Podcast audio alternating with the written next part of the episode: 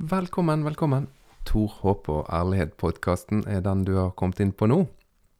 Takk for at du lytter, og jeg må igjen si tusen takk til deg som støtter podkasten. Nå er det noen av dere som har registrert dere på eh, den eh, Patrion-siden til Tor håp og ærlighet. Den har jeg delt på Facebook igjen. Og så er det noen av dere som har tatt kontakt fordi at det er vanskelig å få registrert kortet der. Um, hvis du syns det er vanskelig, så er det bare å sende meg en melding, så ordner vi at uh, du kan få være støttespiller til podkasten uansett. Men for de fleste så vil det nok være helt greit å gå inn på Patrion-siden og registrere seg som støttespiller for Tor håp og ærlighet. I dag så får du møte Aud Valborg Tønnesen. Og eh, hun jobber ved Teologisk fakultet i Oslo, og hun har skrevet bok om Ingrid Bjerkås. Ingrid Bjerkås er sikkert et navn du har hørt. Hun var den første kvinnen som ble ordinert som prest her i landet.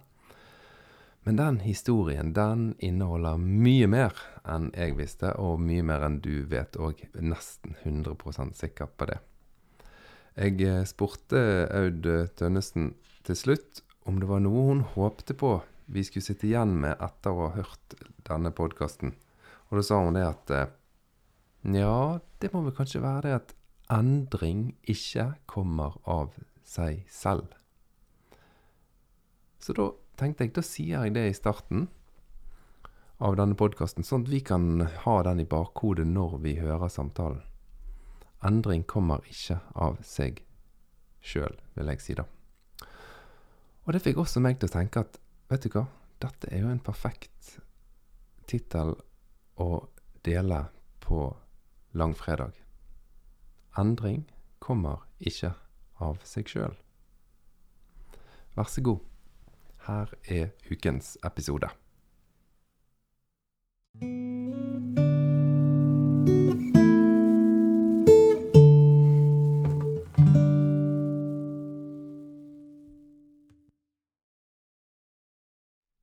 Men sånn, eh, for at folk skal vite litt hvem du er, kan du fortelle litt om din oppvekst, bakgrunn, eh, vei i livet? ja, det kan jeg. Noe av det første kanskje folk hører, det er at jeg ikke har noen spesiell dialekt, Ja. f.eks. og det, det er noe som eh, ble kommentert noen ganger. Og det er jo fordi at jeg har flytta litt. ja. Eh, Min far var prest, så jeg har vokst opp Jeg har ikke flytta så mye som noen andre prestebarn har gjort, men, eh, jeg har vokst opp i Født i Stavanger. Ja. Eh, hadde noen år på Østlandet før vi var tilbake i Stavanger igjen. Og så flyttet vi til Kristiansand, eh, hvor mine foreldre kom fra.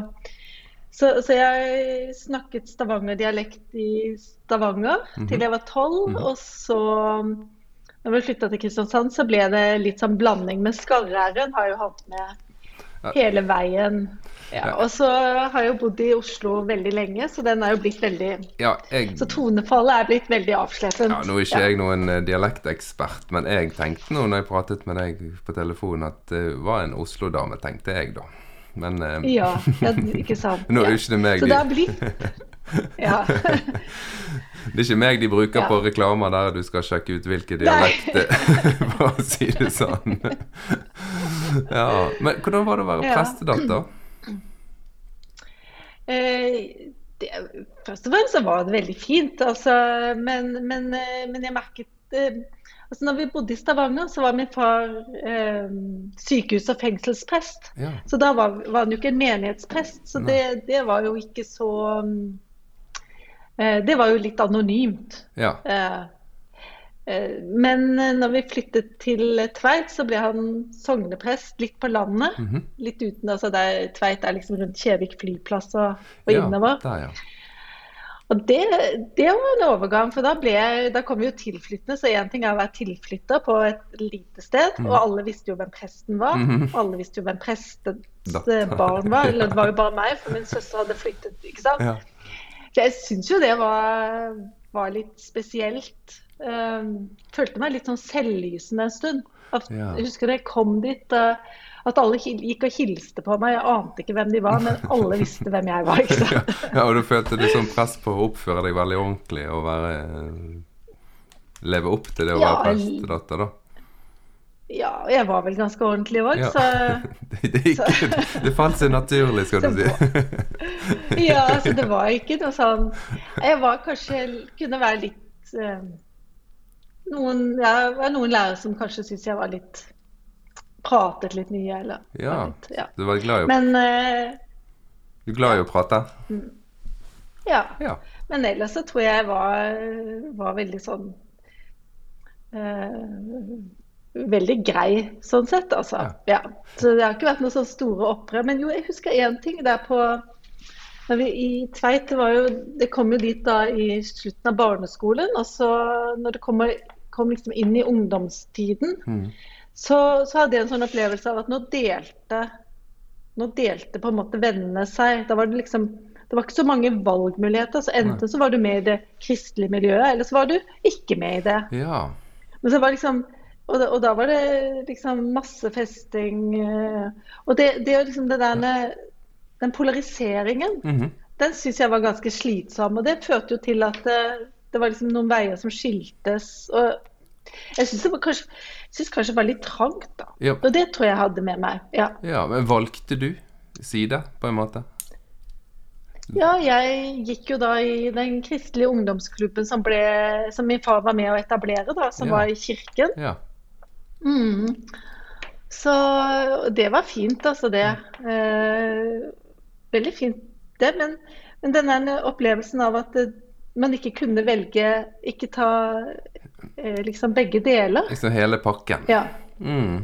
Men når du, Mm. når du da ble litt voksnere og valgte studievei, hva, hva som gjorde at du valgte det du valgte?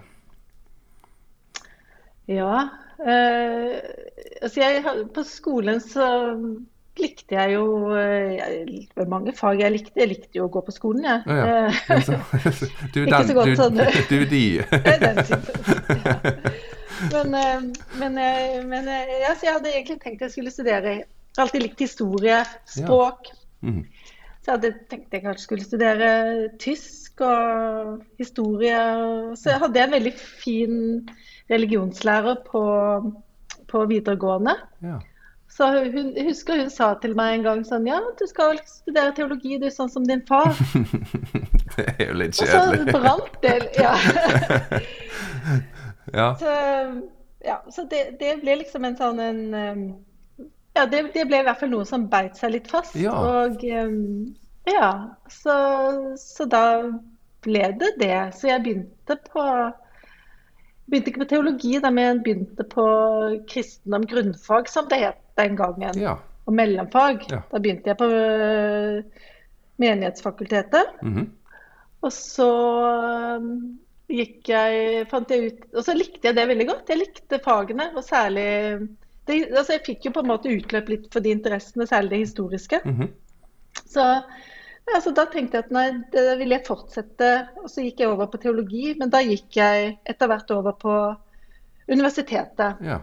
Eh, og på, på TF. Eh, og, og syntes det var noe som passet Ja. mitt lynne bedre, da. ja. Mm. Og du har jo blitt på teologisk fakultet, du. ja. Ja. Så jeg har liksom vokst opp der, føler jeg. Ja. Ja. Men det må jo være Mm. veldig godt å lande i et fag som du da både har interesse for og resonnerer med livssynet ditt og eh, ja. Er ikke det godt? Det er jo et privilegium. Ja, det tenker jeg. Mm. Hva, Det, det, og det oppleves som et privilegium. Ja. Ja. ja. Mm. Hva gjør du på eh, teologisk fakultet nå? ja, akkurat nå så er jeg dekan. Og Ja. det betyr jo å være leder for fakultetet. Mhm. Eh, På universitetet så har vi åtte fakulteter, og de ledes av en dekan. Mhm. Og så inngår de jo da i rektors ledergruppe. Ja. Så du er er, Så vi har jo en rekt... ja, du er leder for Ja. hele teologisk fakultet? Ja. Ja. Det er jo det minste fakultetet. Det er det eldste. fakultetet på universitetet, og det minste. Og det, vik og det viktigste. Og det viktigste. Det vil jeg si. Det må det grunnleggende. Ja, det må Ja. du legge til. Det, men vet du hva, ja, men det er jeg helt enig i. Jeg Ja. mener det faktisk. Dette, er, dette har vært utgangspunktet for så mye av den vitenskapelige utviklingen mm, uh, i Norge. Mhm. Altså noen av, Og det er ganske interessant bare på universitetet mhm. å se på hvordan fag andre steder er formet av teologer. ja, uten tvil. Eh, ja, og det er et godt eksempel eh, er jo selvfølgelig Eilert Sundt. Mhm, Som jo har navngitt eh, bygget for Samfunnsvitenskapelig fakultet. mhm. Eh, som jo var teolog og prest, og som regnes for å være den første samfunnsforskeren Ja. i, i Norge. ikke sant? Ja. Så, ja, et, et, sånn, som, for å ta et eksempel, da. Eller Henrik Wergeland, da, som også har gitt navn til bygg. Ja. Som, ja, så, så, men, men Eilertsund er et godt eksempel. Mm. Kunne nevnt flere. Ja, men, Mm. Og spesielt i Norge så kommer jo ikke du utenom den teologiske grunnen og de teologiske studiene nærmest i Nei. noe fag når du leser vår historie. Nei, du gjør ikke det. Nei. Du kan jo ta sånn Gunerius i, i, som var biskop i Trondheim, og som jo ikke sant, med naturvitenskap altså, ja, Det er så mange ting. Mm. Og det er veldig, og Derfor så er jo også eh, er også et veldig interessant fag. Ja, Eh, også for, for teologer. ja. Mm. Men dette med din historieinteresse, kan du si Har du noen tanker om hvor den oppsto, eller hva som fikk deg inn på det sporet? Husker du noe? På, det histor på, på det historiske. Ja, for det er jo det litt, det virker på meg som litt den historiske interessen har ført deg inn i den teologiske interessen, Ja, eller? Mm, og, jo, det har den. Mm. Eh, og det, eh, det Det var altså, For det første er jeg vokst opp litt med en historisk interessert familie, Mhm. og, og særlig min far. Så Mhm. det, det er klart at det, det har vært med å prege. Mm. Men jeg husker veldig godt når jeg tok eh, mellomfag, da. Mm. Da kunne man velge. Mhm. Da var det noen valgemner, og noe obligatorisk og noe valg. Mm. Og da var vi noen stykker som valgte en fordypning innenfor eh, eh, moderne kirkehistorie, sånn norsk kirkehistorie på 1800- og 1900-tallet. Mhm. Og så leste vi det på egen hånd, fordi det ble det ikke gitt undervisning i. Mhm. Eh, og det syns jeg var altså superinteressant. Ja. For plutselig, ikke sant? For det er jo, det er jo den perioden hvor eh, du får organisasjonsdannelsene Mhm. eh, ikke sant? Mm. innenfor eh, for, for Kristen-Norge. Mm. Og, og, og du får ulike organisasjonsdannelser. Og dette, og dette ga liksom meg en sånn forståelse av kirkeliv og kristenliv og de ulike konstellasjonene som jeg hadde på en måte Jeg hadde fornemmet forskjeller mm -hmm. um, underveis når jeg vokste opp. Jeg hadde f.eks. vært på ulike former for påskeleir. ja. Og opplevde at noen var veldig strenge, Ja. noen var veldig åpne. Noen fikk man lov til å ikke lov til å eh, ja, vitse på bestemte, om bestemte ting, Mm. eller tøyse og tulle med. Mm. Mens andre hadde ikke sånne ting. Og plutselig var det akkurat som jeg fikk et kart. ja. Eh, og, og kunne liksom, liksom plassere alt inn i dette. Det syns jeg var kjempe... Altså, det ga liksom med, Historien var med på å forklare nåtiden og mine erfaringer. ja. Men det skjønner, Så- det skjønner så- jeg. altså Når du ser på norsk kirkehistorie og, og opprettelsen av indremisjon og pinsebevegelser Mm. og samarbeid med arbeiderbevegelser og Du får jo et veldig kart, og så skjønner du hvor meningene kommer fra. Mm. Um, jeg er så heldig å få jobbe litt som vikar på en ungdomsskole. Og jeg legger merke til det at elevene der, hvis du kan hjelpe dem til å forstå historier Det er nesten ingenting de syns er så kjekt. Da de, sitter de så lys og bare lytter og spør. Og, ja, så historiefag, og ikke minst teologihistorie, syns jeg er helt fabelaktig. Men du har jo Det er jo løfterikt, da. ja, det er veldig kjekt. Så jeg, ja, jeg, jeg har tro på dette fakultetet som du leder. Jeg tror det er veldig viktig. Og, og, og jeg merker også det gjennom podkasten her, eh, at dette er tanker som folk jobber med og ønsker å vite mer om. Så ja, Men jeg tok jo kontakt med deg fordi at um, du har skrevet bok om Ingrid Bjerkås. Mm, det har jeg. En biografi. En biografi. Kan du fortelle litt om hvor den, hva, si, hva den kommer ut av? Hvorfor du begynte med å skrive den boken? Mm.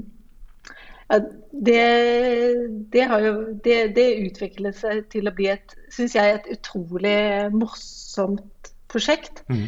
Og det startet eh, egentlig for ti år siden. Ja. Da, da, skulle det feires 50-årsjubileum mm. for at den første kvinnelige prest i, ble ordinert til tjeneste i Den norske kirke. Mm. Og det var jo Ingrid Bjerkås. Ja. Og eh, da skulle det markeres Mhm. ganske stort, både i Hamar, og, hvor hun ble ordinert, og i, på Senja, Mhm. hvor hun da tjenestegjorde. Mhm. Og Da ble jeg spurt om å skrive en, eh, en artikkel, Mhm. en biografisk artikkel om henne. -hmm. Til en bok Mhm. eh, som kom ut i den forbindelse. Og, det, eh, og da satte jeg meg jo ned, og, og der finnes et privatarkiv etter henne på eh, på Riksarkivet. Mhm. Så jeg brukte jo en del av de kildene der. Mhm. Eh, så, og, og, og fant mye spennende. Og det, det er jo eh, Det kan vi jo snakke mer om Mhm. etterpå. fordi hun, hun har jo også en, ikke sant? Hun har jo ikke bare denne historien som å være den første kvinnelige prest, hun var jo også en motstandskvinne under krigen. ja. Eh, og den historien sant, er jo også med på å tegne karakteren hennes. Det, det kan jeg snakke Ja. uh, mye om. Ja, Kanskje du begynner litt Men- med det? For det, jeg hadde aldri Ja. hørt om det. Jeg hadde aldri hørt at hun var motstandskvinne. Nei. Og det, det var hun. Hun Ja. var ikke organisert i, i Hun var ikke organisert, uh, men hun eh, Hun eh, var en motstandskvinne og satt jo også på Grini i et år. Mhm. Og, og, og, no, og dette er jo eh, Dette har hun jo også skrevet om selv, for hun ga i 1966 ut en bok som hun kalte for 'Mitt kall'. Ja. Og der beskriver hun eh, hvordan krigen blir et sånt vendepunkt i hennes liv. Hun, er jo, hun var født i 1901, så hun Mhm. var jo ca. 40 da når ja. 39 da når krigen kom.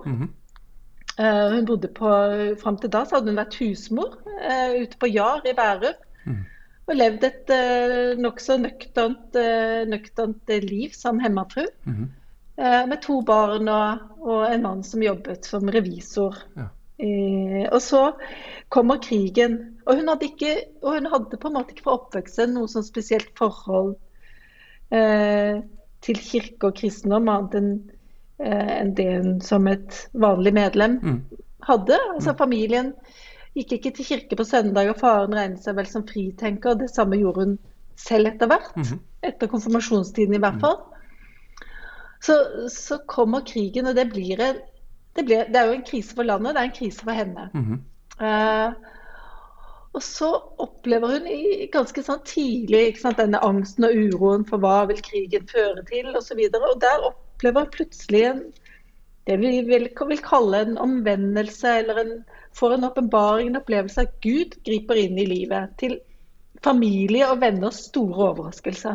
Vi skjønner ikke helt hva er det som skjer. Altså, he helt ved starten av krigen så får hun dette. Denne opplevelsen. Ja, Ja. Ja.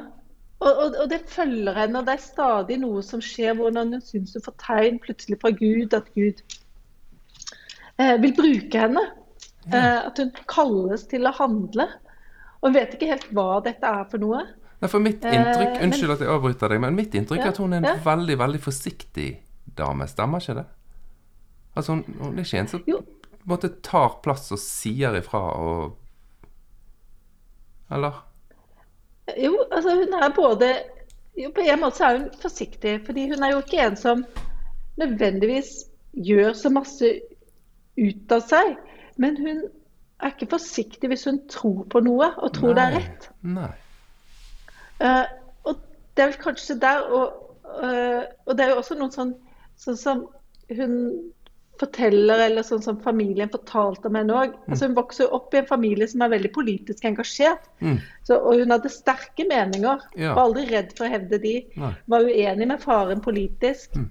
Så det var, og hun elsket en frisk diskusjon. Mm. Så, så, sånn sett var hun ikke redd. Men, men der, den opplevelsen av å måtte gjøre noe, å gjøre ting riktig, være ærlig, mm -hmm. handle sant, mm. den, den, tror jeg også blir da under krigen veldig bestyrket da av den nye troen som hun opplever å få på Gud. Og at det, Gud er med henne, og at hun gjør dette fordi hun rett og slett har et kall. Ja. Og det fører jo til de mest Det fører til ganske dramatiske hendelser hvor hun setter seg selv, både setter seg selv og familiens liv Ikke i livsfare, men, men hun løper risiko, da. Ja, hva er det hun gjør, da? Eh, hun gjør mange ting. Eh, og det er noen helt utrolige historier. Mm. Eh, og det ene er jo allerede i 1940, mm -hmm. eh, altså egentlig ganske kort tid etter eh, okkupasjonen, eh, så, så, er det en hendelse hvor hun har vært inne Det er en lørdag, og hun har vært inne i sentrum. Eh, og så har hun fått vite at eh, om kvelden så skal Josef Terboven, som jo var øverste leder for tyskerne i Norge, holde sin første offentlige tale. Ja. Og det skal skje på Slottsplassen.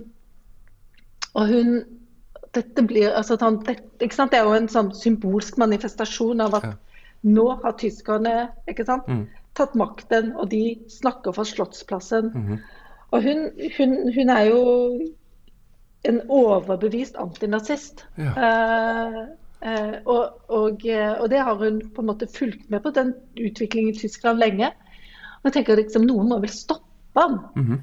noen, noen må vel gjøre noe. Og så skjønner liksom utover dagen at, det, at det, hun må i hvert fall gjøre sitt for å prøve å hindre han i å holde tale. Så hun tar med seg et Nytestamente som hun har akkurat kjøpt da, på tysk. Mm -hmm. Og så eh, drar hun inn til sentrum, og så kommer hun inn der til Slottsplassen. Og da nærmer klokken seg seks, for det er da det, det, er da liksom det starter. Mm. Og der er det, det er liksom en blanding av folkefest og, og militær maktdemonstrasjon på samme tid. Det er masse korps som spiller. Mm. Der er militære soldater utkommandert sammen med norsk politi og danner en sånn ring rundt Slottsplassen. Mm. Og så ser hun en åpning, og så går hun liksom, bryter hun barrieren. Og så beskriver hun selv hvordan hun går over Slottsplassen. Og der står det en og taler, det er ikke Terboven, for han har ikke kommet på enda. Hun tror det er Falkenhorst, som ledet uh, de tyske troppene. Ja. Den militære lederen. Det er jo mektige folk. Og så tar Mektige folk. Ja. Og jeg, jeg, vet ikke hva folk har tenkt når de ser denne damen liksom bryte. Så tar hun liksom opp Nytestamentet og holder det i hånden. Også. Og sier at her skal ikke noen tysker holde tale. Er det sant? Eh, denne plassen tilhører kongen og Nygaardsvold. Og så blir hun jo arrestert. Ja. Um, og tatt med til Victoria terrasse, som jo Gestapo har sant, gjort til sitt hovedkvarter. Og, og havner uh, i forhør der. Um, og, du... og, så blir hun sluppet fri, da. Ja, Men dette var i 1940, så hun gikk rett i uh, action, hun egentlig? Ja, hun gjorde det. Uh, og, og, og, egentlig på en tid hvor folk enda var litt usikre på, på hvordan man skulle det, det, var jo mens man enda hadde dette forhandlet, når, når det var forhandlinger med, med, tyskerne om hva slags type overtagelse det skulle bli. Altså, vi hadde jo dette administrasjonsrådet. Mm. Så hun, hun, er jo hun, hun, er tydelig på å ta stilling tidlig. Mm. Wow. Hvordan, så, hvordan forløp resten av krigen seg for hun og familien, da? Ja, eh, så er jo det som jo skjer fordi de bor jo der da ute på Bærum, og det er jo, de følger jo med. ikke sant? Mm. Det er jo både nazister og motstandsfolk i nabolaget. Og, eh, og hun eh, Så er det jo liksom noen hendelser som er veldig sånn skjellsettende. Og den, den kanskje eh, mest kjente er jo dette brevet hun skriver til Quisling mm. i, i 1941 etter å ha hørt han tale og mm. gå til et, på radioen hørte han holde en fryktelig tale, syns hun. Mm. Hvor han går virkelig til angrep på, på, på den norske motstanden, på engelskmennene, og, og eh, snakker om, om, hvordan tyskerne skal vinne krigen og nazistene tar over. Mm. Så da setter hun seg ned og skriver et, eh, et brev til han, hvor hun eh, anklager han for å forføre nordmenn til å bli landsforrædere. Og hun liksom sier at hvis de er en god nordmann, så må de nå ikke sant, forandre dette. Slutte, gripe, gripe inn og vende om.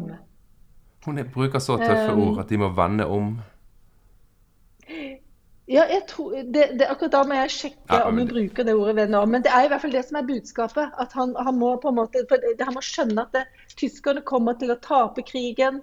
Engelskmennene vil komme og, og redde, eh, redde Norge.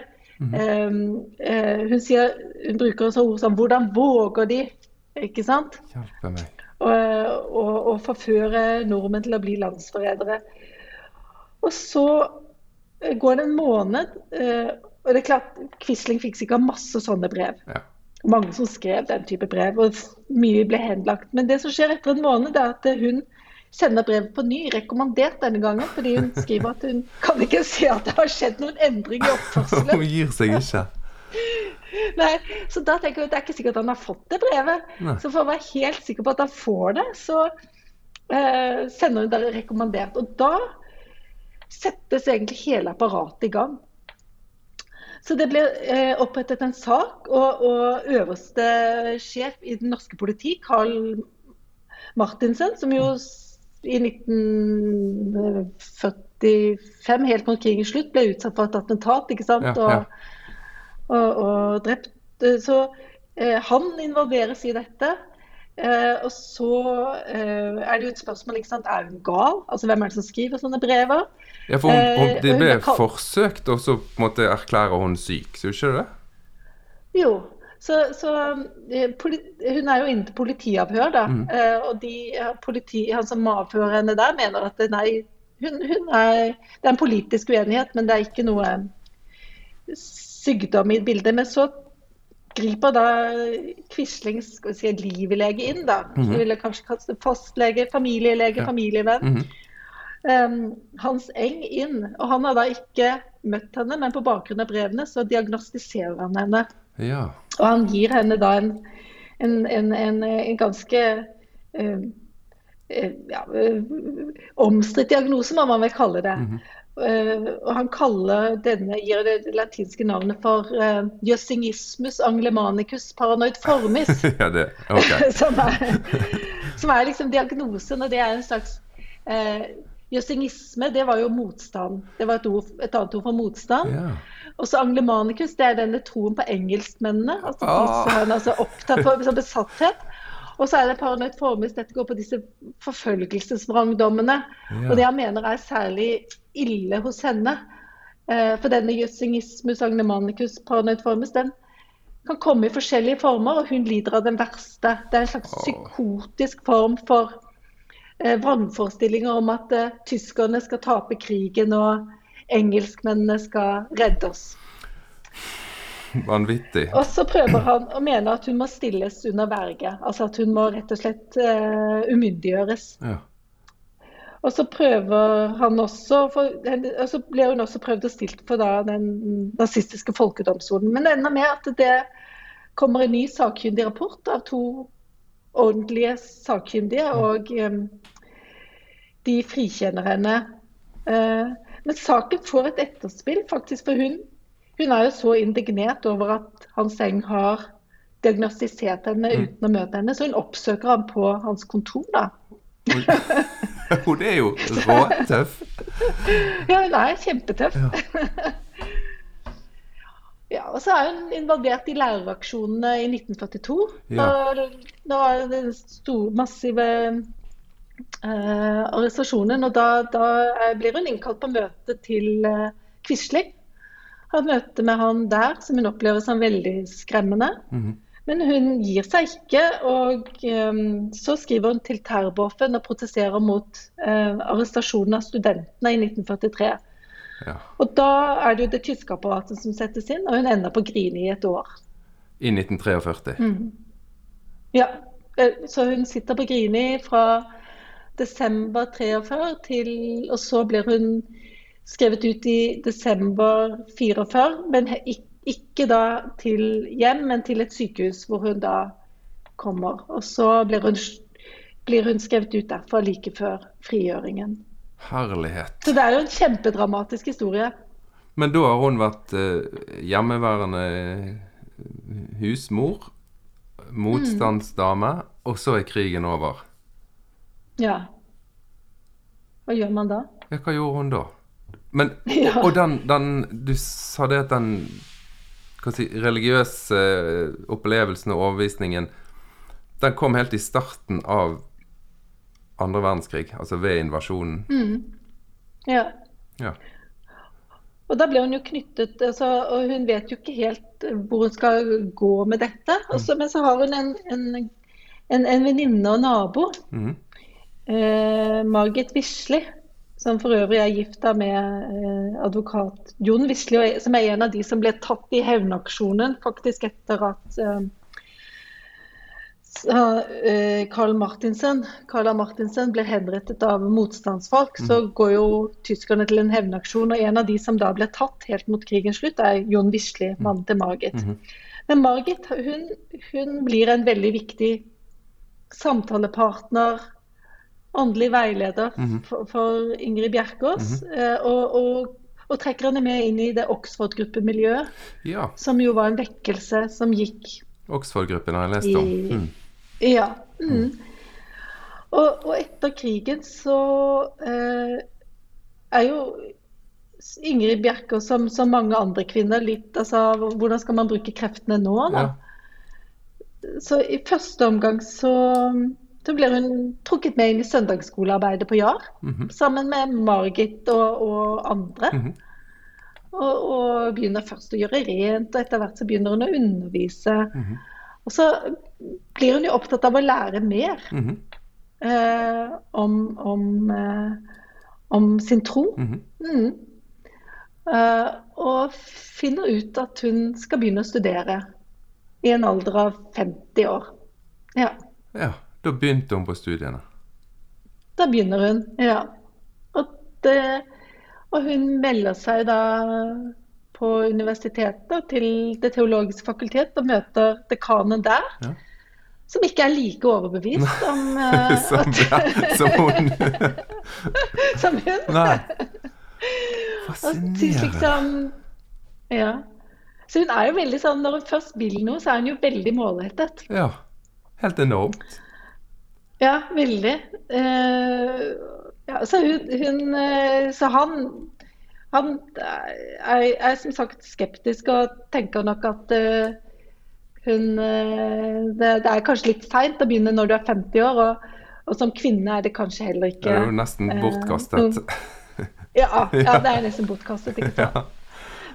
Men hun opplever da ikke sant, dette, denne omvendelsen, og hun sier det at det var på en måte tyskerne som brakte henne inn i prestetjenesten. Er det det, det, er, det er en formulering hun bruker, ikke sant? så det er jo helt Herlighet. Men, men, Men- men, tror du hun eh, var bestemt på å bli prest, eller skulle hun bare studere av interesse? Nei, hun er bestemt på å bli prest og opplever at hun har fått det kallet. Og situasjonen er jo den at de Men hva i eh, verden, hva, hva tenker hun da? Det er jo ingen kvinner som er prest. Altså, Nei. Det er ingen som er det. Det er, det det er jo flere kvinnelige teologer som har tatt teologi. ja. Det er også noen kvinner som har tatt den praktisk-teologiske utdanningen og kjenner på dette kallet, men det er faktisk ingen som har søkt prestestilling, selv om det hadde vært lov siden 1938. Nei. Eh, For da ble loven endret. Så, og en, en grunn til det, uh, tror jeg, mm. uh, det er jo at hun kommer på mange måter som en litt outsider. Mm. Mens veldig mange av disse kvinnene som gikk da med dette prestekallet, mm. uh, og, og, og kanskje også hadde virke i litt sånn prestelignende stillinger, Mhm. De var veldig opptatt av å ikke utfordre den motstanden de visste fantes. De var veldig tett forbundet i det kristelige miljøet. Mange hadde en konservativ teologisk bakgrunn Mhm. og visste eh, hvor sterk motstanden mot kvinnelige prester var. Så, de, så det, det, er sånn typisk et par som ble spurt på, på slutten av 50-tallet om de kunne tenke seg å bli ordinert. Og da sier en av de eh, at ja, en kan ikke se at det er noe i Bibelen som sier at det skulle være feil at kvinner ble prester. Men å sette hardt mot hardt, det vil hun ikke. Det må komme, som noe, komme som noe Gud legger til rette. Altså.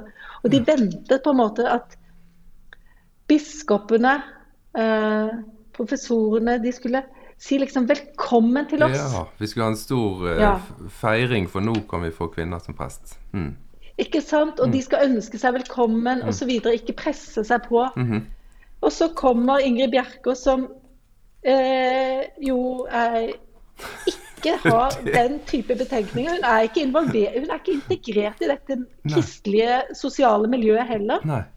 Altså, hun, hun eh, tilhører et miljø der hun er jo med i Oxford-gruppe, men fritidsaktiviteten hennes det er å spille bridge. Mm. ikke sant? Altså, men, så hun er liksom et annet sted. Og så er hun en kvinnesakskvinne. Ja. Det er veldig viktig. Ja, men, ja. hun er jo vokst opp da, i et hjem med pappa som er fritenker. Og altså, mm. hun er, har jo Jeg skjønner jo det. Hun har ikke de bindingene av uh, hva vil slekten min si hvis jeg blir prest. Og, ikke sant? Nei. Og hva vil broren min si, mm, eller hva mm. vil, uh, hva vil uh, vennemiljøet mitt si? Ja. Så hun bare tar teologistudier, selv om hun blir advart av dekanen om at dette kanskje er bare, er bare tull? Ja.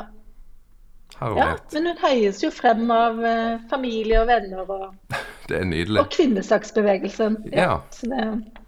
ja og, og da, mm. da begynte hun da hun var 50, og var ferdig da når hun hun var ferdig da når hun var 59. For hun, eh, hun tar eh, Ja, hun er ferdig med praktikum da, ja. i sommeren 1960. Ja. Og da skal hun jo begynne å søke stillinger. Mm -hmm. mm. Så hun tar kontakt med Christian Schjelderup på Hamar, for det har hun fått råd om. Mm -hmm. Eh, som jo har sagt at han eh, vil ordinere kvinnelige prester. Mm. Og er en av de få biskopene som har sagt det så tydelig. Mm. For den eh, Og så Og, og han, han er jo også, jeg sier også, det kan jo bli vanskelig å, mm. og synes hun er gammel og, mm. og høy alder og, og, har ikke så gode karakterer. Det er jo en ting som blir holdt veldig imot henne av veldig mange. Ja, vet du men, hva? Men han vil vel... Jeg må si det. Ja. at Jeg hadde ikke hørt ja. veldig mye om Bjerkås før jeg begynte å prøve å få litt oppdatering på det. Men en av de tingene jeg hadde hørt, var akkurat det. Hun hadde dårlige karakterer og var en gammel dame. Ja. Og det liksom Ja, og det, det, det, og det hadde jo jeg også kjørt så mye og det, det, er nesten så at det skygger for Ja, det vanvittig irriterende. Det enorme mot ja, det er det. Det skygger for det motet hun viser, og for den handlekraften hun viser. Og for hun var faktisk en, en Jeg tenker hun var, hun var, og det viser jo krigen òg, mm. hun har vært en veldig modig kvinne. Jeg kjenner jeg nesten blir irritert. Altså, her er det en, ja. en, motstandskvinne som går rett i rette med Terboven, altså, og, og ja. møter Quisling og drar hjem til livlegen til Quisling og sitter ja. i fengsel og blir må sone til og med på sykehuset etterpå. Mm. Og så blir hun den første kvinnelige presten, og så er det det jeg har hørt, det at hun har dårlige ja. karakterer. Liksom, det er jo helt Ikke sant? Ja. ja. Hm. Og, og, og, hun blir en veldig fin prest òg, så ja. det er liksom Ja. ja. Det, det, er, det, det, er ja, det, er en sånn en ja, det, det, er litt sånn sidebord, men det henger sammen med det. fordi det er jo veldig lenge hvor hun ikke blir spesielt husket eller markert. Ja. Eh, så, så, det er jo egentlig først sånn med 50-årsjubileet at hun ordentlig ble løftet fram. Er det sant, ja? Fordi også disse kvinnelige teologene som studerte samtidig med henne, de var jo yngre enn henne og sånt, og mange av de, ikke mm. alle. Mm. Men, men, de var også sånn Nei, det, hun var ikke den riktige. Det var ikke hun som burde blitt den første. Det var jo andre som var mer egnet, som var liksom hadde bedre forstand på kirken og eh, men, men, ingen av de torde å gjøre det hun Altså, Ingen hadde jo søkt på en stilling før hun begynte å søke stillinger. Nei, men jeg, jeg må spole litt tilbake. Altså Når hun Ja, da blir, ja. blir prest, eh, ordinert prest, eh, Mm. da var hun aleine? Altså, du sier at det er mange kvinner som hadde studert teologi, Mm. Men det er bare én som Ja. blir ordinert? Ja. Så når hun eh, er ferdig teolog og tatt praktikum, Mhm. så er, er det jo omtrent 40. Og det er klart det var ikke alle de som hadde tenkt å bli eh, prester, Nei. eh, men no, noen hadde jo det. Mm. Så, så faktisk er det slik at eh, da hun skal ordinere, så spør eh, biskop Schjelderup et par av de andre om ikke de vil bli ordinert sammen med henne. Mhm. For det tenkte han, det vil jo gjøre det lettere. Da er det ikke bare én som må ta støyten. Nei. Da vil de være flere. Ja. I Danmark så hadde man ordinert tre stykker samtidig i 1947 allerede. Og i Sverige hadde man ordinert tre stykker nokså på rappen Mm. i 1960. Mm. Men det som svares da av disse, og, og det var en det, det, det, er fra et intervju med disse, som ikke jeg gjorde, men som en annen gjorde. Mm. at de sier nei, de vil ikke ordineres med Ingrid Bjerkås, for de vil ikke assosieres med henne. De vil ikke er, er assosieres ganske- med henne. Ja. Er det noen begrunnelse? de- de- Et- Det er den knyttet opp til at hun var så tydelig liksom, på at det var rett at, altså, at kvinner hadde en rett til å bli prest, ikke sant? fordi de hadde loven på sin side. At hun bruker et og, og hun knytter kvinnesak til det, så hun bruker jo et, et ikke-teologisk språk også Ja. om kallet. ja. Og det, det, det opplevdes som provoserende Mm. og fremmedgjørende. ja. Så da blir hun den eneste som blir ordinert da i 1960. Og hun må ta støytet, men hun får jo også på en måte æren da, for å bli pioneren. Ja. Men hun fikk vel kanskje ikke så mye ære i sitt liv. Nei, ikke sant? Det er jo veldig delt. Mm. Fordi du kan si at i de dominerende kirkelige, kristelige miljøene, altså hvis man tar utgangspunkt Flertallet av biskopene uttaler jo at dette vil føre til nød og svære motsetninger. og eh, Den gang var jo alle eh, professorene ved Menighetsfakultetet imot kvinnelige prester. og, og, og og, en del av de agerer veldig sånn aktivt for å forhindre henne i å få tjene, en tjeneste. Og Ja, de- en uttaler at De prøver å hindre henne å få prestejobb. Ja, det er en kampanje mot henne eh, når hun skal søke stillinger, som gjør at det, eh, Schjelderup noterer at det er ekstra mange søkere til stillingene eh, som hun søker. Og, det, og jeg har snakket, jeg intervjuet et par som fortalte at de ble oppringt og bedt om å søke stillinger som man kunne tenke seg at hun ville søke. Bare for å fylle opp eh, kvoten, og sånn at ikke hun fikk jobben. Mm. Ja, Jeg leste en uttalelse fra en kvinne som hadde studert teologi samtidig med henne, som, og så sier noe sånt som at eh, nei, jeg vil ikke sette min egoisme eller min egen, mitt eget kall framfor kirken. nei. Og det, jeg, jeg tenkte når jeg leste det, et ganske kraftig spark mot Ingrid Bjerkås, da. For da sier Ja. du implisitt at hun setter sin egoisme fremfor kirken. Dette Ja. Hvis jeg føler hun, da, hun som sa det, sa hvis jeg føler mitt kall, mitt egoistiske opplevelse her, så vil det splitte kirken. Mm. Så derfor vil jeg ikke ordineres. Nei. Og det var jo på mange måter også den, den børen som ble lagt på disse kvinnene. Ja. Ikke sant? At det, de kunne bli årsak til at kirken ville bli splittet og egentlig falle fra hverandre. Mm. Og hvis du tar det inn, sånn som hun gjorde og veldig mange andre gjorde, så, så bærer du jo egentlig hele kirken på dine skuldre. Ja. Og det er jo eh, egentlig helt, det er jo helt umenneskelig. ja. Men det er veldig representativt for, for eh, Jeg tror det er veldig representativt for, for hvordan veldig mange kvinner opplevde det. Ja, for når jeg leste den uttalelsen, da kjente jeg Oi, jeg skjønner ikke- nesten ikke at noen våger å være den første kvinnen, da. Nei. For det var, det var jo vel såpass enighet om at dette kommer til å splitte kirken og ødelegge den. For det er så sterke meninger her. Mm.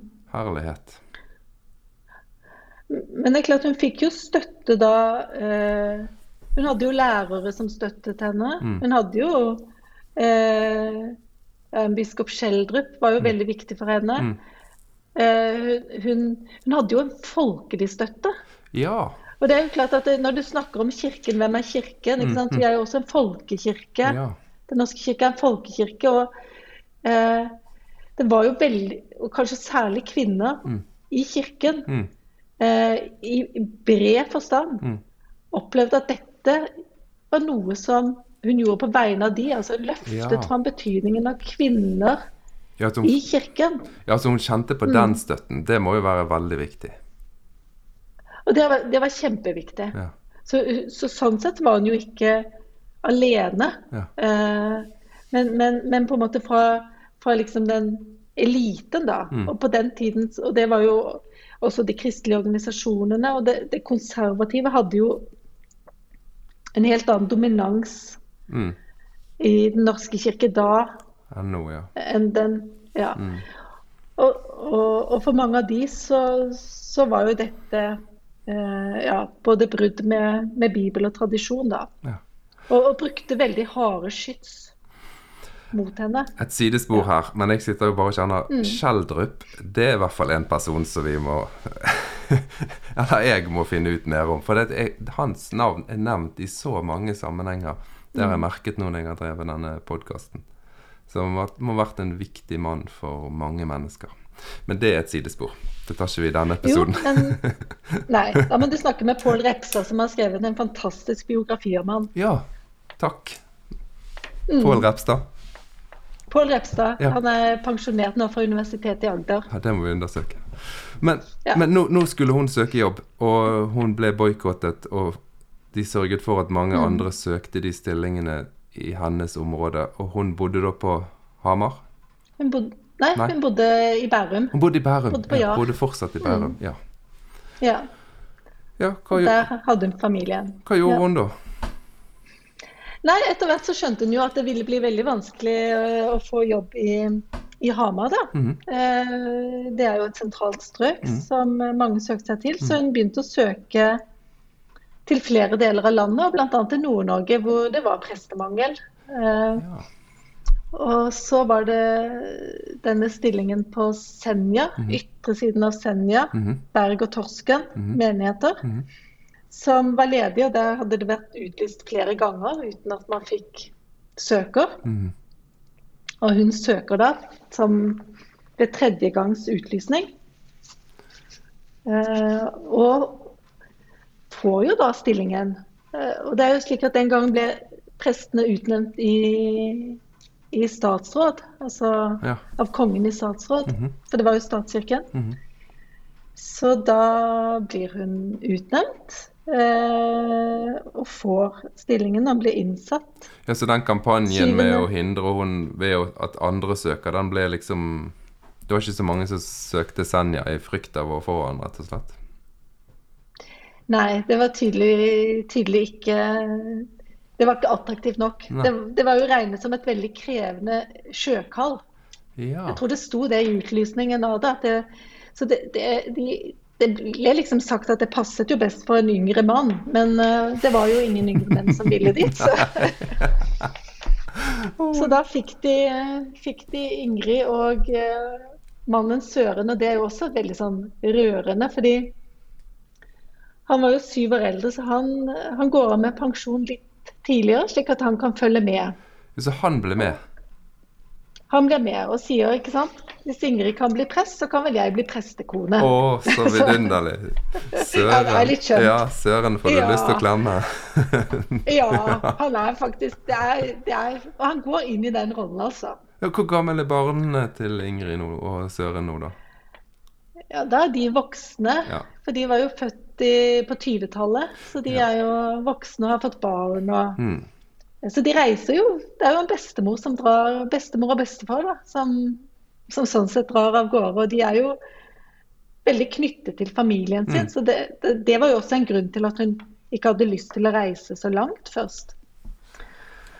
Men, men det blir eh, Og så er det jo mot... Altså det er jo både De ønskes jo veldig velkommen av den ene menigheten i Berg, og så Menighetsrådet i Torsken de sier først nei, og da blir det sånn folkelige protester og folkemøter Mm -hmm.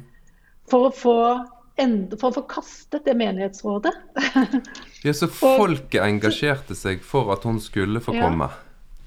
Ja. Og de er kjempestolte ja. av å ta imot henne. Ja. Uh, så, så, der er det rett og slett et, et, et, litt, litt, sånn opprør mot da menighetsrådet. Mm.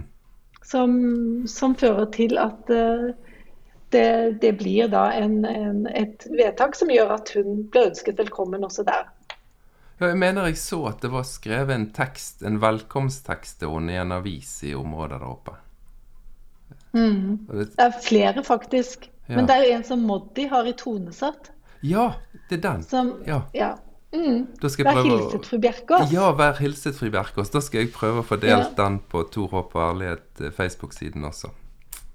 Sånn at, ja. sånn at, lytterne kan gå inn der og så høre den med Moddi. Ja, den er kjempefin. Mm. Og, og, han er jo fra Senja. Ja.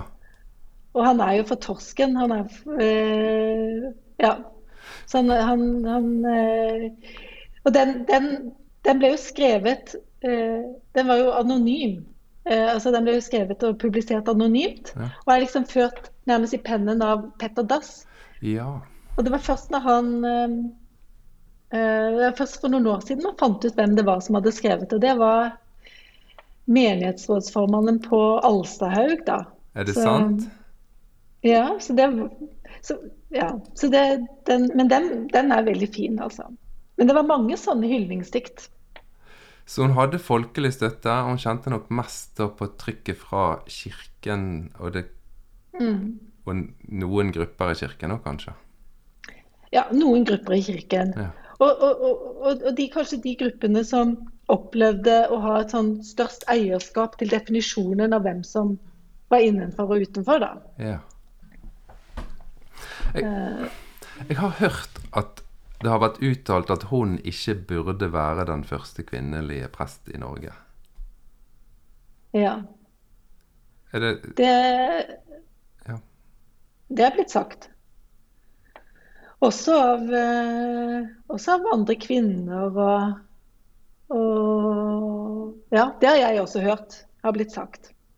Fordi Det, det, det, det sa folk jeg, Det var sånn når jeg skulle begynne å skrive når Første gangen for ti år siden jeg skulle skrive om henne, så sa folk f.eks. sånn Det var en som kom og sa til meg at det skal du vite, at vi syntes ikke at hun var den rette til å bli den første. Nei. Og det var en som liksom hadde studert litt sånn omtrent samtidig med henne. Og det at de sier det så lenge etter, det er jo ganske sterkt, syns jeg. Så Herlighet. Det må jo ha vært noen tøffe tak for denne damen. Men hvordan opplevde hun arbeidet som prest på Senja? Ja, ikke sant. På Senja så kom hun da Nei, hun eh, det, det, er flere ting. Altså Det ene er at jeg tror hun hadde en utrolig evne til å ikke dvele ved, ved mye av det som var vanskelig. Og mannen tror jeg ryddet, eller det, det har han jo fortalt, altså mannen ryddet unna alle disse brevene. Ja. Så i arkivet så finnes det jo veldig lite som sier noe om uh, motstanden. Det sant? De ble bare kastet. Fantastisk. Ja. Og det er, tror jeg tenkte er litt sånn sunt. Ja, det tenkte jeg òg når du sa det. Det Ja. har jeg lyst til å lære. Ja. Rett og slett. altså bare, Det tror jeg vi mange kunne lære. rett og slett bare sånn. Ja. Det hadde jo historisk vært veldig interessant, Ja. men, Men personlig men kanskje eh, Sikkert Ja. veldig mentalhygienisk helt strålende. bane. den kaster jeg. Ja. Og, og han tok unna mye av det. Så, så, så det fins det ikke. På Senjas de var jo veldig sosiale selskapelige. ja. Eh, Så, så det, og det var jo et eh, Det var jo som sagt en sånn Det var ved kysten, så det var jo båt som var veien. Mhm. eh, Eller transporten. Så det var jo Hun reiste jo mye med båt. Mhm. eh, fra liksom eh, Nå husker jeg ikke helt navnet lenger. Flakstadvåg. Hun bodde jo på Berg, så det var liksom ut til Flakstadvåg. Det tok vel fire timer med båt. Mm. Det var nesten ikke vei den gangen. Så det var jo et hardt sjøkall, og hun var sjøsterk. Ja. Og det gjorde jo inntrykk på folk. Der oppe så fikk hun kred for å være sjøsterk. Ja. ja. Og så, og så kommer vi til ikke sant, altså på, Langs kysten i Norge og, og, og nordover så har jo kvinner hatt en ganske sterk rolle. Ja. For mennene har vært på fiske, Mm. og kvinnene har eh, spilt en viktig rolle i lokalsamfunnet. Ja. Så det at du har sterke kvinner, kanskje passet det bra da, Ja. at hun kom dit. ja. For der var det et rom for den. Men hun var ikke der så lenge. Nei, hun var der fra 61 til 65. Ja. Eh, og det er klart, det, de var jo ikke unge når de kom, Nei. hun og, og Søren. Og det tok på krefter. Eh, og så ble han veldig syk. Ja. Og så dør han eh, i 65. Ja. Og da hadde hun først tenkt å fortsette, men det ble på en måte vanskelig å fortsette den tjenesten alene. ja. Så Uten, kir eh, uten prestefrue. uten prestefrue. Mm. Mm. Og med familien ellers langt unna. Ja. Det, Mm.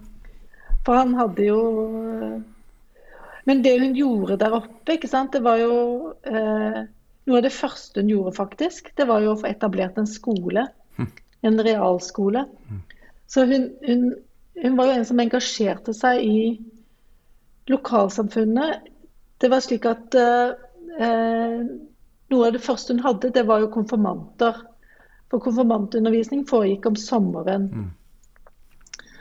Og da eh, skjønte hun jo fort det at når elevene var ferdig egentlig med konfirmasjonstiden, så var det jo enten ute å jobbe, eller så måtte de reise på internatskole. Det var ikke noen skolegang videre Mm. utover grunnskolen. Og da fikk hun veldig raskt på plass en realskole. Herlighet.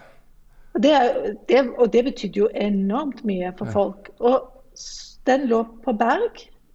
Så da huset hun og mannen eh, fem gutter som bodde på hybel oppe hos de i prestegården. Herlig. Så de ble jo veldig sånn integrert, Ja. ikke sant, i veldig fort. Eh, og så det, og ble hun opplevd nok, og det, og det er jo interessant, ikke sant, fordi presterollen har jo endret seg over tid. Mm. Uh, og hun var den første kvinnelige, opp, kvinnelige prest, og for noen så ble jo hun kanskje lettere å nærme seg da Ja. En, en, en mann. Ikke? sant? Ting man kunne komme til med henne. Hun ble opplevd som mer tilgjengelig da, enn en, noen av de som hadde vært Jeg skal ikke si at ikke mannlige prester er tilgjengelige eller ikke har vært det, for det har de jo vært. Og det går jo på personlighetstyper og sånt ja, nå. ja. Nei, jeg skjønner hva du Men mener. hun ja, Mm. men, men hun ble opplevd, og det, det så? Tidlig i gamle dager så har man jo ofte kalt presten far, så hun ble jo da humor. Ja, Og så ble det prestekallen, da. Det var Søren. det var Søren. ja. Men etter, altså Når hun da hadde blitt første kvinne som ble prest i Norge, eh, ble det en mengde kvinner etterpå som ble prester og sånn på løpende bånd, eller hvordan utviklet det seg da? Ja, det tok litt tid. Ehm, Etter eh, Ingrid som ble ordinert, så tok det to år før neste kvinne ble ordinert, og det var Agnes Wold. Mhm. Og hun hadde jo studert på 30-tallet, så hun var jo veldig godt voksen, hun òg. Mhm. Hun hadde jo hatt et prestekall lenge. Mm. Og hun hadde, tatt, hun hadde studert på Menighetsfakultetet og tatt praktikum der, men da fikk hun ikke lov til å ta homiletikk og heller ikke ta liturgiske øvelser. Nei. Så hun hadde ikke fått tatt hele praktikum. Men så fikk hun så ble hun vigslet til en sånn sjelesørgerstilling på Ullevål sykehus som hun virket i på 50-tallet. Så hun var jo veldig nært på å være prest. Mhm. Men en av disse beskjedne som ikke ville sette kallet foran kirken, ikke ville bidra til splittelsen. Ja. Og hun, hun, hadde, hun, hadde, hun hadde jo liksom Hun hadde alltid hatt et kall, Mhm. Men hun kom fra en konservativ bakgrunn, og det Hun visste jo veldig godt motstanden. Men så ble hun da ordinert i, eh, i 1963, Mm. også hun av Schjelderup. Ja. Eh, For det var jo han som ordinerte. Ja. Og så jeg lurer på, Nå har jeg, husker, jeg ikke tallene helt present. Jeg lurer på på 60-tallet til sammen at det er syv kvinner. ja. Ja, Så det gikk ikke veldig det fort. for- Mm. Det går ikke veldig fort. Så kommer jo 70-tallet med, med liksom den undervisningseksplosjonen, eller Mm. høyere for høyere utdanning, og hvor kvinner søker. Da blir det jo mange flere kvinner som også tar teologiutdanning. Men det, det tar tid. så er det først ut på 80-tallet du ser litt markante tall, og så er jo tallet fortsatt vel på sånn 36-37 Ja. kvinner i Mm. kvinnelige prester i Den norske kirke. Det har, gått, har ikke gått sånn kjempefort, nei. Tiden gikk enormt fort her i dag òg, når vi Ja. nærmer oss en Mm. time. Men eh, Ja.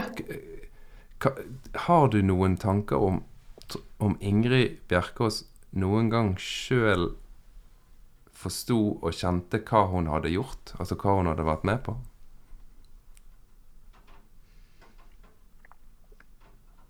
Jeg tror at hun hadde en opplevelse av at dette var viktig, ikke bare for henne selv, men for andre kvinner. Ja, du tror at hun Eh, kjente det sjøl?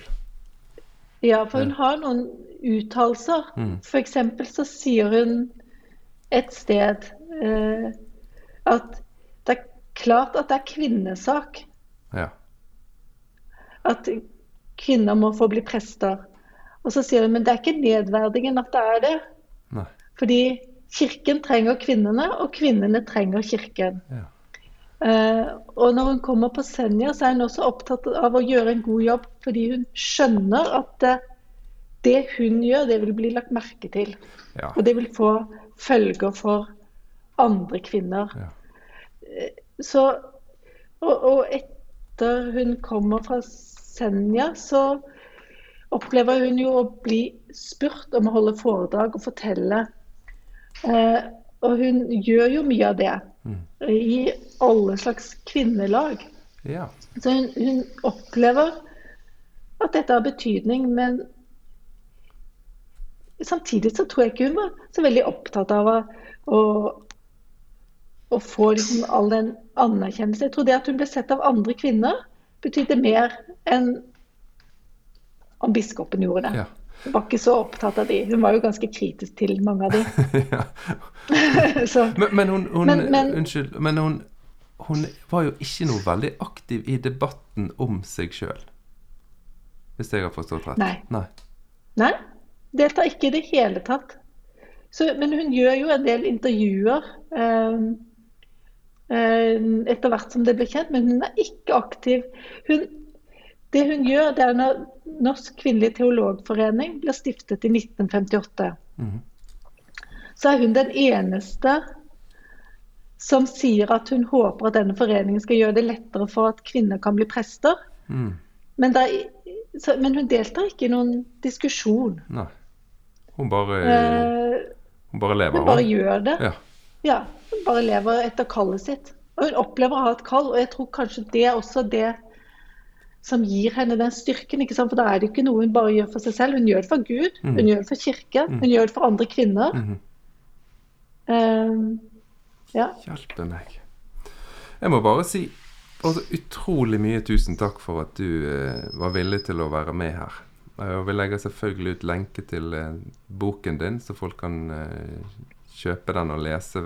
Jeg vil tro at det er en del lyttere som syns at dette var veldig interessant. Så mm, mange, mange tusen takk. ja. Kunne jeg sagt én liten ting til Ja, som jeg tror har betydning for ja, bare sånn, ja. bare sånn, Jeg tenker har litt sånn større betydning for det. det var jo mange som mente at også de som var for kvinnelige prester, kvinnelige prester de kunne jo godt egne seg som institusjonsprest, eller så kunne de være prest sammen med en annen prest, en mannlig prest, Ja. men ikke prest alene. Jeg har liksom Hjelpeprest. tenkt at ja, liksom med hjelpepresten så har jeg tenkt at det at hun egentlig var så uortodoks, da. Mm. Eh, og var så annerledes enn det bildet alle hadde av hvordan den første skulle være. Mm. At det gjorde rommet litt større for mangfold, da. Mm. Og det tenker jeg kan være litt inspirerende i dag òg. Altså, sånn at, at kirken, kirkerommet er liksom større for, for mangfold av alle disse som ikke helt passer inn til disse idealbildene, Ja. men blir veldig viktige. Og det, det er jo mange som kan ta den type rolle. Også i dag kvinner og menn eller andre. Eller, ja. Men hva, hva var idealbildet? Hva var det egentlig de ville ha når ikke de ville ha Ingrid? De ville vel ha en mild og snill og ung og føyelig og from. Ja, da fikk de feil. Ikke gjorde så mye ut av seg. Åh, det var en Ja. ja. Men dette er jo noe som vi virkelig må ha med oss i dag òg, da. For vi driver jo hele tiden og lager disse rammene. Om hvem som passer inn, og hvem som ikke passer inn. Og det er en begrensning for Kirken, det. Men jeg må Det er mange ressurser som blir uutnyttet da. Ja. Men jeg må gi litt ros til Kirken òg, da. Jeg opplever jo at Kirken er veldig opptatt av inkludering. Vet du hva, Jeg syns Kirken er helt fantastisk dyktig på det òg. Ja. Det er underkjent hvor mye som skjer. Ja. Og, og, det, og hvor åpen og, og, eh, ja, hvor åpen den er for mangfoldet. ja. Det, det, det er også kjempeviktig. Jeg er helt enig. Det må vi ikke Nei, for, Vi må snakke om det. Ja, for det slo meg når, når Kirken, som Mm. eneste kristne organisasjon som jeg har i hvert fall sett, gjennomfører Mm. Levekårsundersøkelse og arbeidskårsundersøkelse for LHBT-personer. Da er jo en virkelig Ja. villig til å sette lys på seg sjøl for å sørge for Ja. endring. Og det, har ikke sett noen andre, verken kristne organisasjoner eller menigheter, som har tenkt på engang. Iallfall ikke Ja. lest noen uttalelser om det. Det kan være noe som har slippet forbi, men, men jeg har ikke sett noen. Ja, og jeg vil også si i, i en litt sånn bredere samfunnskontekst, Mm. så, så er det nok flere arbeidsplasser som godt kunne, og institusjoner som ikke bare er kirkelige og kristelige, men også andre som kunne godt ha satt søkelys på det. Ja. Men det, Jeg tror Kirken der går foran. ja, det tror jeg òg. Men, men vi må vel Mm. kanskje se at uten personer som Ingrid Bjerkås, så hadde ikke det vært sånn. Nei, for det er tungt å så presse det gjennom. Mm. Men det er jo veldig mange, og jeg tenker også sånn som den homofilidiskusjonen som vi hadde i, mange år. Mm. En, en ting er nå, men i mange år så måtte jo folk legge hele livet sitt Mm.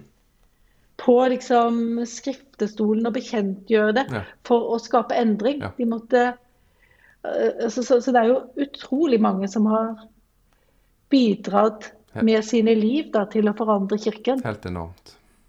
Mm. Men nå, nå, nå må vi avslutte. Jeg og Aud eh, Tønnesen, vi pratet en god stund til. Men jeg tenker at vi avslutter den samtalen her.